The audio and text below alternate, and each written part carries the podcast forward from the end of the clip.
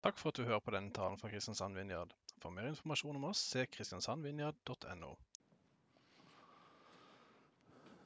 Ja, det gjorde det. Skal vi se om det ble lyd òg? Ja, det gjorde det. Um,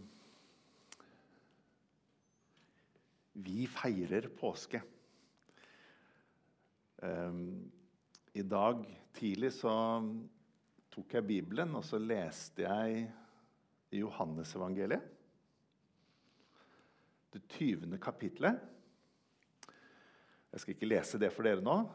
Men dette er, dette er, egentlig ikke en del av talen, men det er jo selvfølgelig en del av talen. Men se for deg på denne dagen, det vi feirer i dag. Jeg lukte øynene litt innimellom når jeg leste. Så står det at det tidlig på morgen den første dagen i uka, som er på søndag Tidlig, tidlig søndag morgen, mens det enda var mørkt, så går Maria Magdalena til graven. Hun kommer til graven. Steinen som lå foran graven, er rulla bort. Hun ser inn, og graven er tom. Dette er mørkt. Eh, hun springer for livet til der hvor Peter og Johannes er. Hun sier, 'Graven er tom.' Steinen var rulla bort de springer om kapp til graven. Johannes, Peter og Maria. Johannes ser inn Det er såpass, ja. Johannes ser inn i graven og oppdager at den er tom. Peter går inn i graven og ser at den er tom. Og så står det at det, de gikk hjem. Og så står det Maria Magdalena sto på utsida av graven og gråt og gråt og gråt.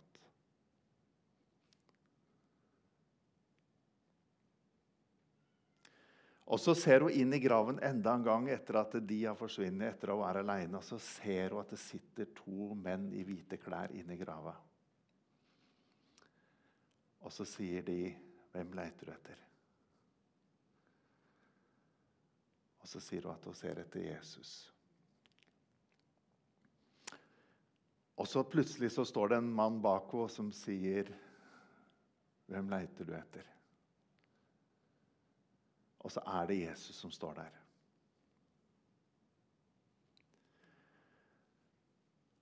Og det, så, det, var, det var, så rørende. Ta, ta Bibelen eh, når dere kommer hjem.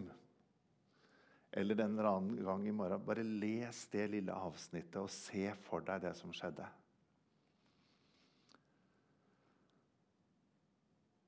Og så var det ikke kjærlighetens apostel Johannes som fikk det første møtet med Jesus. Det var ikke Peter som Jesus sa 'jeg vil bygge min kirke' på. Det var helt bevisst. Jesus viste seg. Og det som står om Maria Magdalena, det er ikke mye. Men det var at hun var en av de som fulgte etter Jesus, og at Jesus hadde kasta ut syv onde ånder av henne. Så hun hadde hatt et tøft liv. Hun hadde blitt forvandla. Og så er hun kvinne. Og kvinnene hadde ikke så mye å si på den tida. Så Maria Magdalena, helt knust, får det første møtet med Jesus. Og så får hun oppdraget av Jesus gå. Og det morsomme og sterke er jo at han, han viser seg ikke først for Maria Magdalena og så for de andre. Nei, han sier, 'Gå og fortell til brødrene mine at jeg har stått opp.' Og så kommer han og møter de på kvelden. Men det er så utrolig sterk historie.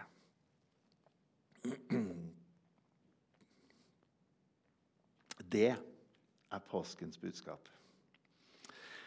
For et par dager siden så våkna jeg opp um, av søvnen med en sangstrofe inni hodet mitt. Og det var Rop det ut med hjertets jubel, gledesbudet fra han selv. Livet kan bli nytt fra nå av. Slettet ut er skyld og gjeld. En salme som vi sang på bedehuset for mange mange år siden, som ikke jeg har tenkt på eller hørt eller lest. Men plutselig så var den sangen.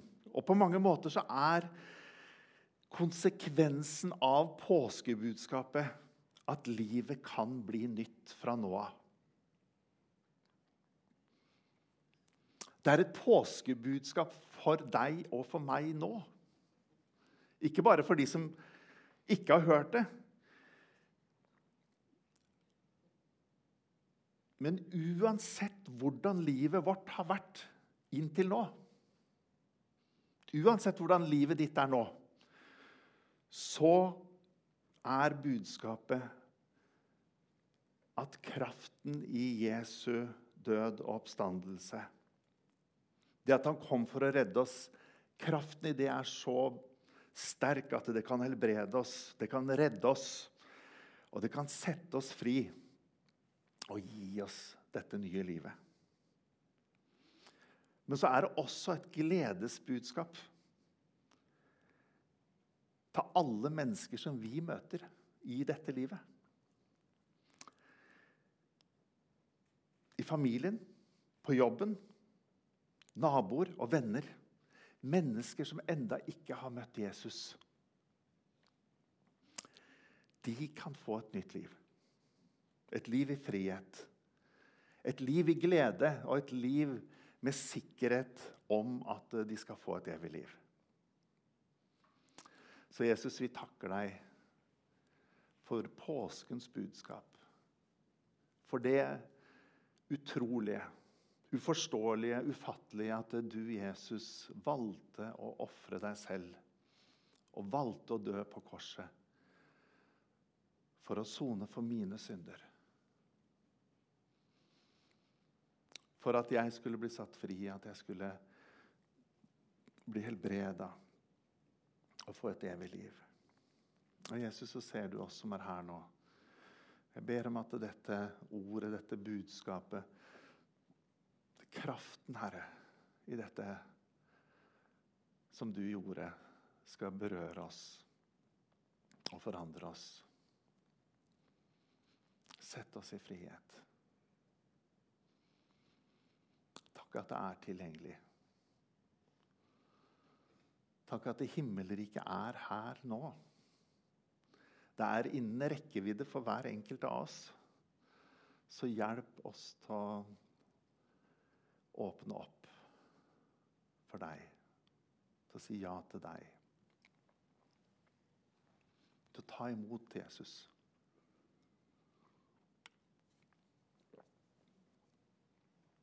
Alt det som du har.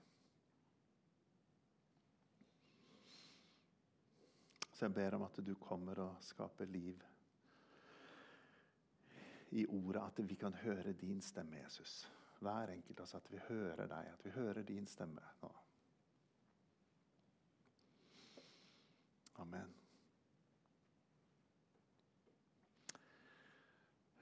Ifølge Johannes evangeliet Johannes eh, som den teksten fra i stad var også Johannes som omtaler seg sjøl at uh, han var den disippelen som Jesus elska.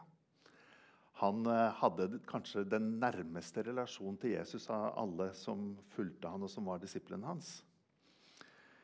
Johannes står ved korset når Jesus blir korsfesta.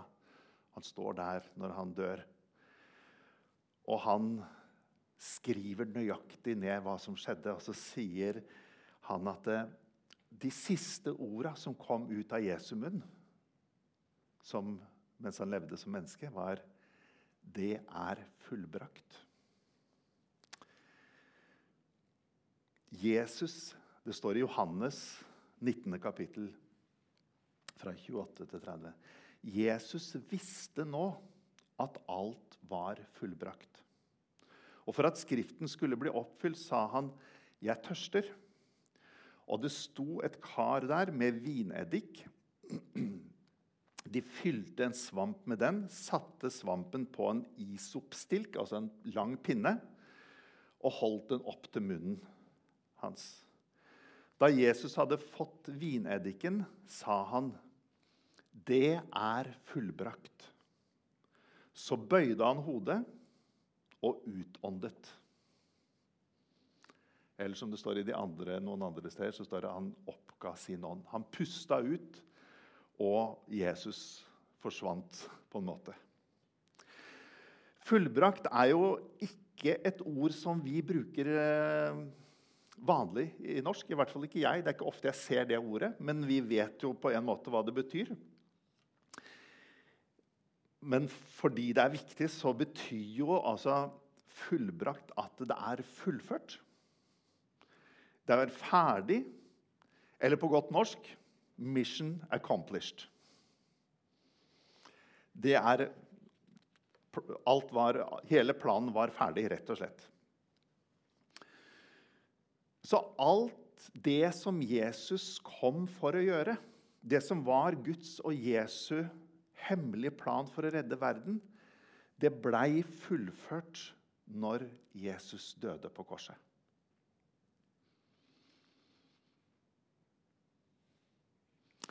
Det blei fullført idet Jesus pusta ut for siste gang. Oppstandelsen og påskemorgen var på en måte bare en konsekvens av det som skjedde på langfredag. For alt var ferdig på langfredag, og det står at døden kunne ikke holde på Jesus. Og når Jesus Han var jo ikke død. Vi tenker jo kanskje han var død i de tre dagene. Nei, det står at han, han var i dødsriket og forkynte evangeliet for de som hadde vært ulydige på Noas tid, står det. Et merkelig vers. Altså, han var jo ikke død, selv om han var i dødsriket. Han hadde en oppdag... Så på korset, når han pusta ut, så var alt fullført.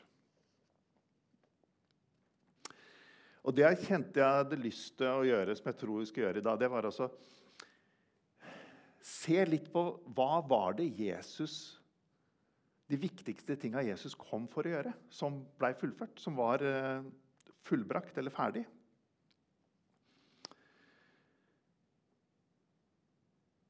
Og noen av disse her tinga som, eh, som vi skal se på, det er jo ting som ble profetert flere hundre år før, før Jesus ble født. Og noen av de tinga sa Jesus om seg sjøl, og andre igjen sa disiplene etter at Jesus hadde stått opp igjen. Og Poenget er jo at det, det som er aller viktigste er jo at det, hva betyr det for deg og meg? Hvilke konsekvenser har det for våre liv? Og det aller første Jeg har fem punkter. Og det aller første punktet det er Gud hadde en plan for å redde verden. Gud og Jesus hadde klekt ut en hemmelig plan. Og Jesus sier det i Johannes 3, 16, som kanskje alle sammen kan. For så høyt elsket Gud verden at han ga sin sønn. jeg skal lese med et par andre vers fra Johannes 3, 14-17, så vi får verset før og etter. Og Da sier Jesus følgende om seg sjøl.: Og slik Moses løftet opp slangen i ørkenen, slik må menneskesønnen bli løftet opp. For at hver den som tror på Han, skal ha evig liv. For så høyt har Gud elsket verden, at han ga sin sønn den enbårne, for at hver den som tror på Han, ikke skal gå fortapt, men ha evig liv. Og Gud sendte ikke sin sønn til verden for å dømme verden, men for at verden skulle bli frelst ved han.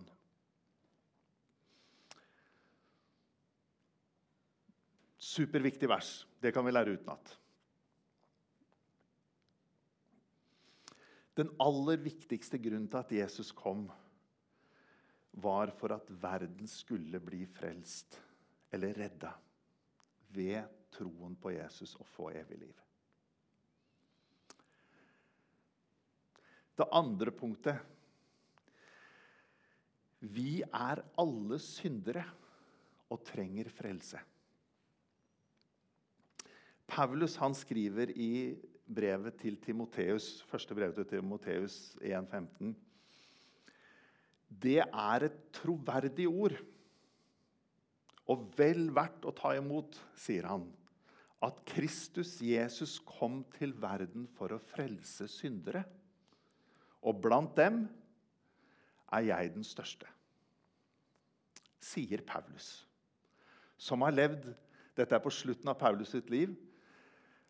Han har levd livet sitt i tjeneste og regnes som en av de aller største i Guds rike etter Jesus, som har hatt innflytelse. Han plantet masse menigheter, han har skrevet alle disse bøkene. På sine eldre dager så har Paulus blitt mer og mer ydmyk. Så han sier ikke at 'jeg var'. Jeg var en av de største synderne. Han sier at blant dem er jeg den største. Han tror han var den største synderen. Alle sammen synder vi. Alle mennesker synder. Og noen menneskers synder er mer synlig enn andres. Men vi er alle syndere.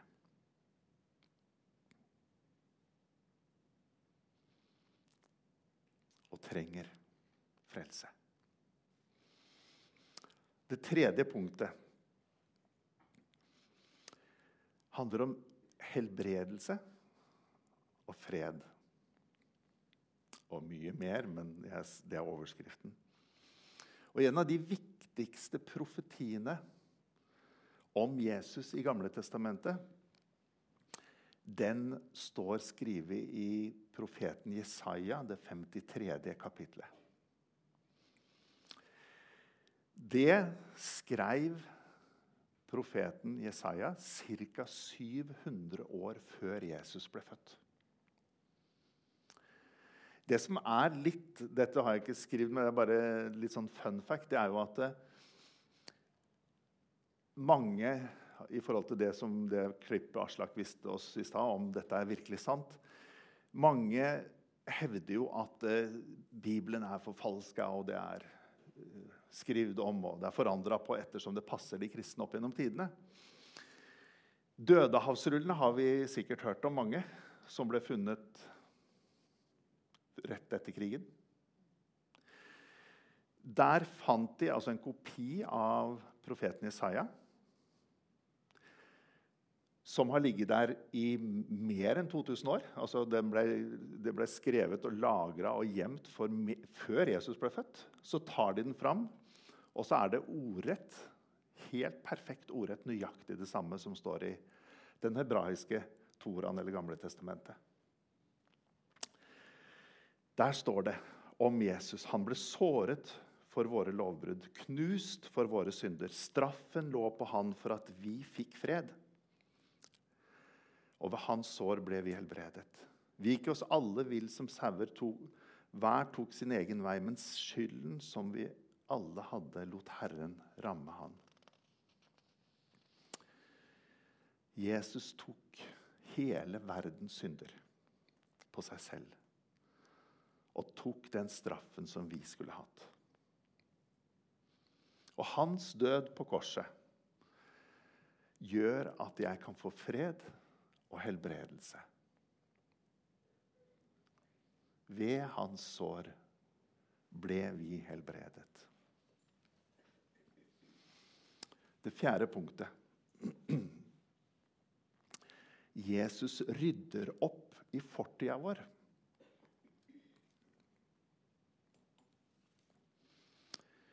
Når Jesus starta sin tjeneste,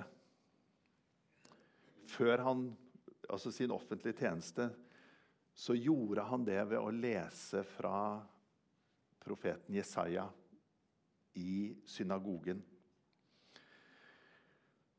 Så her er det også et ord fra profeten Jesaja som Jesus da leste om seg sjøl. Også når han var ferdig med å lese det skriftstedet, så sier han at i dag ble dette skriftordet oppfylt mens dere hørte på.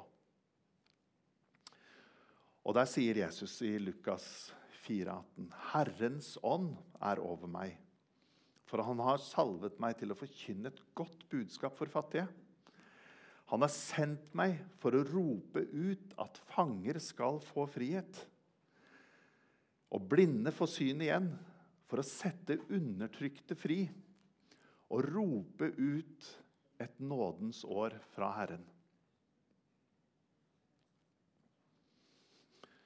Jesus kom for å sette fanger i frihet, for at de undertrykte skulle bli fri.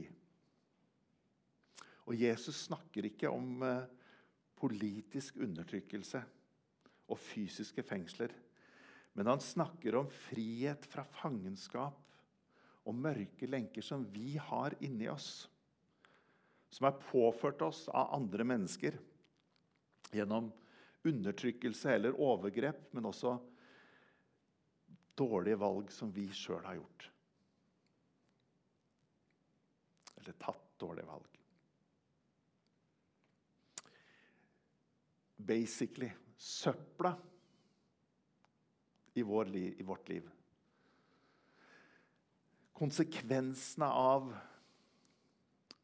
alt det som har skjedd gjennom livet av dårlige ting,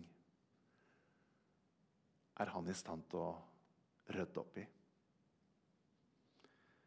Usynlige, mørke lenker er han i stand til å bryte.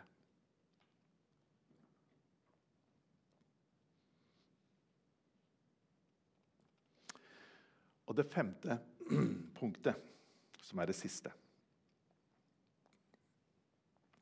Jesus seier over djevelen og demonene. Paulus han skrev om den derre usynlige hemmeligheten som ble avslørt når Jesus ga sitt liv på korset. Vi skal lese fra Kolosserne 2, 13-15. Eh, Dere var døde på grunn av misgjerningene og deres uomskårede kjøtt og blod. Men han gjorde dere levende sammen med Kristus da han tilga oss alle våre misgjerninger. Gjeldsbrevet mot oss slettet han, det som var skrevet med lovbud han tok det bort fra oss da han naglet det til korset. Han kledde maktene og åndskreftene nakne og stilte dem fram til spott og spe da han viste seg som seierherre over dem på korset. De versene her er jo noen av favorittversene mine i Bibelen. Det er i hvert fall på lista over favorittvers. For det første så tok Jesus altså mitt usynlige gjeldsbrev. Det var ikke bare ett ark, tenker jeg. Et usynlig brev hvor det står eh, all det dårlige jeg har gjort i livet. Han tok det. Alle mine svik, alle mine fall, nederlag og all synd. Han utsletta det og så spiker han det fast på korset. Sletta, utsletta. Og I tillegg så står det at han kledde maktene og åndskreftene nakne. Litt dårlig oversatt til norsk, syns jeg. For det står egentlig, da, hvis du ser på den greske teksten, så står det at han avvæpna og latterliggjorde maktene og åndskreftene da han viste seg som seierherre over dem på korset. Djevelen og demonene trodde at de hadde vunnet seier når Jesus ble tatt til fange og ble korsfesta og spikra fast. Da tenkte de yes, nå har vi vunnet. Men de visste ikke at eh, det var Guds og Jesu hemmelige plan.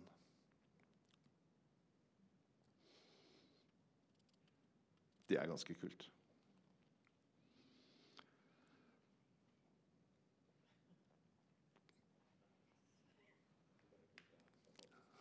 Fantastisk. Ingen høyere. Nei, men tenk på det. Det var en som sa det at hadde djevelen skjønt det når Jesus, når, det Jesus pusta ut og, og, seieren var fullkommen Hadde djevelen skjønt det, så hadde han jo sørga for at det ikke fantes en trepinne i hele Israel på den tida. Det hadde ikke vært en pinne å korsfeste noen på. Han ville gjort alt for at ikke Jesus skulle dø, men Jesus hadde en hemmelig plan. I tillegg så står det i 1. Johannes brev eh, Også Johannes døperen, eh, nei, eh, apostelen Johannes som skriver da også seint i livet, så sier han at det var for å gjøre ende på djevelens gjerninger at Guds sønn åpenbarte seg. Grunnen til at Jesus kom, sier Johannes, det var for å ødelegge djevelens verk i oss.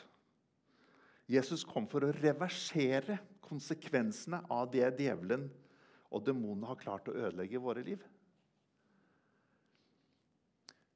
Um, på engelsk så står det For this reason the Son of Man came to destroy the work of the evil one. Litt kulere sagt på engelsk. Han kom rett og slett for å ødelegge det som djevelen har klart å gjøre i våre liv.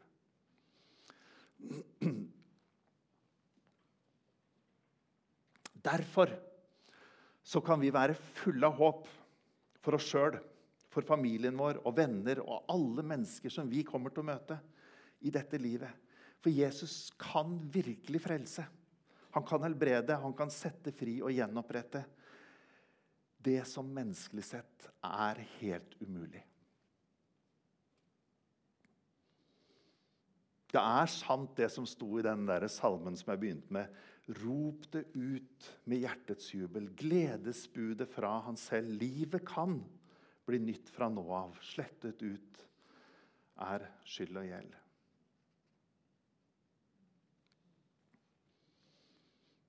I Lukas, det, det, siste Jesus sier eh, når han holder avskjedstallet til disiplene sine, i Lukas 22, så sier han at Og nå overdrar jeg riket til dere. Akkurat som eller slik som min far har overdratt det til meg. Så Jesus sier at på samme måte som Gud ga dette usynlige Guds rike oppdraget til Jesus, så gir han det på samme måten til oss.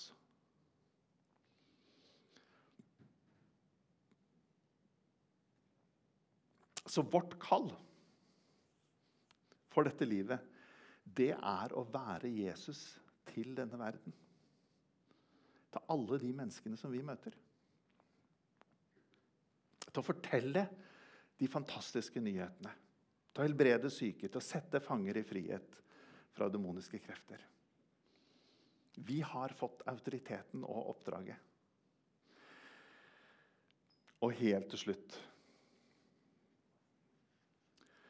Det er det Jesus inviterer oss til, å bli hans disiplere. disipler og etterfølgere som mer og mer er villige til å legge ned våre egne liv og ønsker og drømmer for å leve lidenskapelig brennende, overgitte etterfølgere han og gjøre det han gjorde. Og For de av oss, og jeg tror de fleste av oss var med på konferansen med Alexander Wenter, så var det ganske klart at eh, det kreves bevisst planlegging. Eh, disiplinert trening. Og disiplin, disiplin og vilje til å bli forandra. Hvis vi skal bli mer og mer like Jesus. Han snakka om det at det, det at vi hører dette ordet, det at vi sier ja i hjertene våre til å bli Jesu etterfølgere, det er ikke det som forandrer oss først og fremst, men det er det at vi faktisk gjør noe med det. At hvis vi, vi lager en plan vi, Akkurat som alt annet som vi skal bli gode til, så må vi faktisk trene. Og mange av oss er jo med på denne disippelgruppa, så vi har jo fått høre litt og blitt fulgt opp på det. Um, vi hadde jo et møte, noen av oss, mange av oss, for et par uker siden med Alexander og Jill. Og da, da bare nevnte han på slutten VIM. Eh, visjon, intensjon og metode. Han sa det at det, det er smart hvis en har lyst til å vokse i det med å bli disippel, det med å bli mer og mer lik Jesus, og faktisk skrive ned og lage noen punkter og en plan for hvordan det skal skje. Og Visjonen er jo hvordan ser dette ut for meg om tre måneder? Hvordan ser det ut om et halvt år eller fem år? Han nevnte sikkert noen andre tidsintervaller. Hvordan ønsker jeg å se ut om fem år? Ønsker jeg å bli forandra? Og hvis jeg ønsker å bli forandra, er jeg villig til å sette av tid til å studere ordet, til å lære det, til å praktisere det, til å forkynne evangeliet, teste det ut, be for syke eller helbrede syke. Det er på én måte påskens budskap, som er så fantastisk til oss. Jesus vil forvandle oss. Skal vi reise oss til slutt?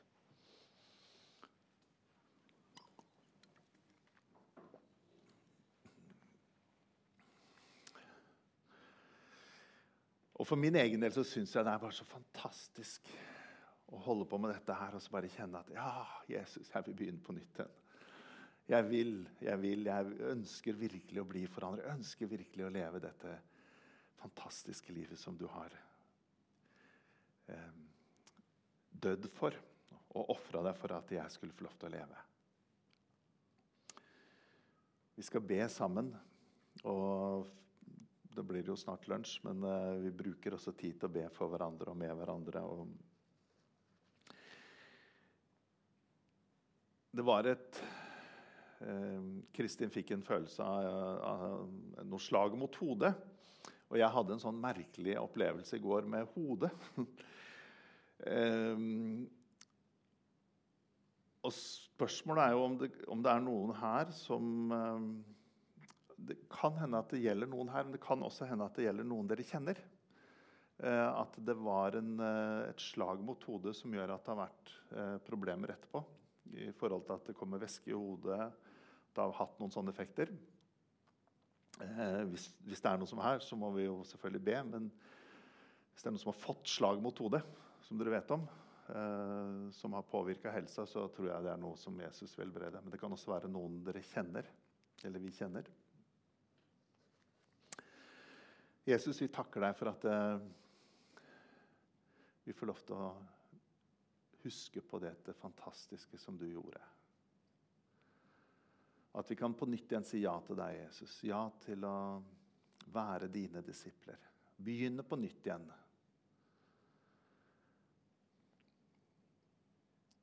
Takk, Jesus, for at du, du kom for å rydde opp i søpla i våre liv. Du vet hva det betyr for hver enkelt av oss som er her nå. Ord som er sagt. Sårende ord som er sagt imot oss. Svik. Onde ord.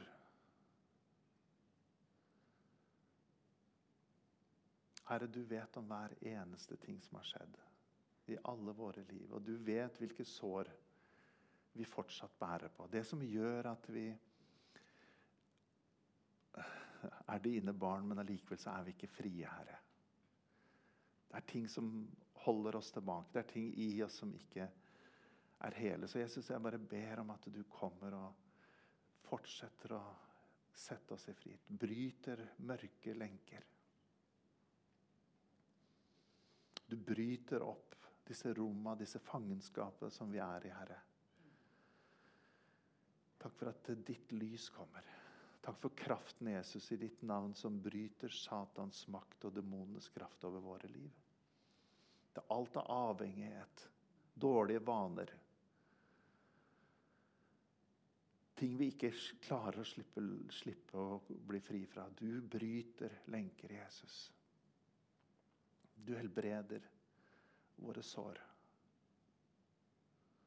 Ikke bare fysiske helbredelse, men også såra som har påført oss, Herre. Jeg ber om det på nytt. Kom med legedom og helbredelse inn i alle våre sår. All smerte. Alt det som djevelen og demonene har klart å påføre oss gjennom andre mennesker, eller dårlige valg vi har tatt, eller de tinga som har skjedd i livet. Du bare bryter kraften av det. Tale legedom og helbredelse. I Jesu navn.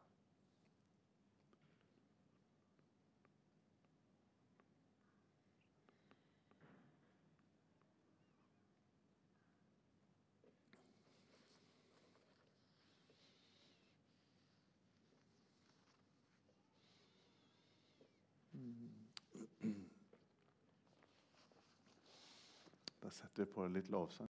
Takk for at du hørte på denne podkasten. Ta gjerne kontakt med oss via vår Facebook-side Kristiansand Vinjard, eller besøk oss på Vågsbygd ringvei 100 i Kristiansand. For mer informasjon om hva vi gjør og hvordan du kan bli involvert, gå inn på kristiansandvinjard.no.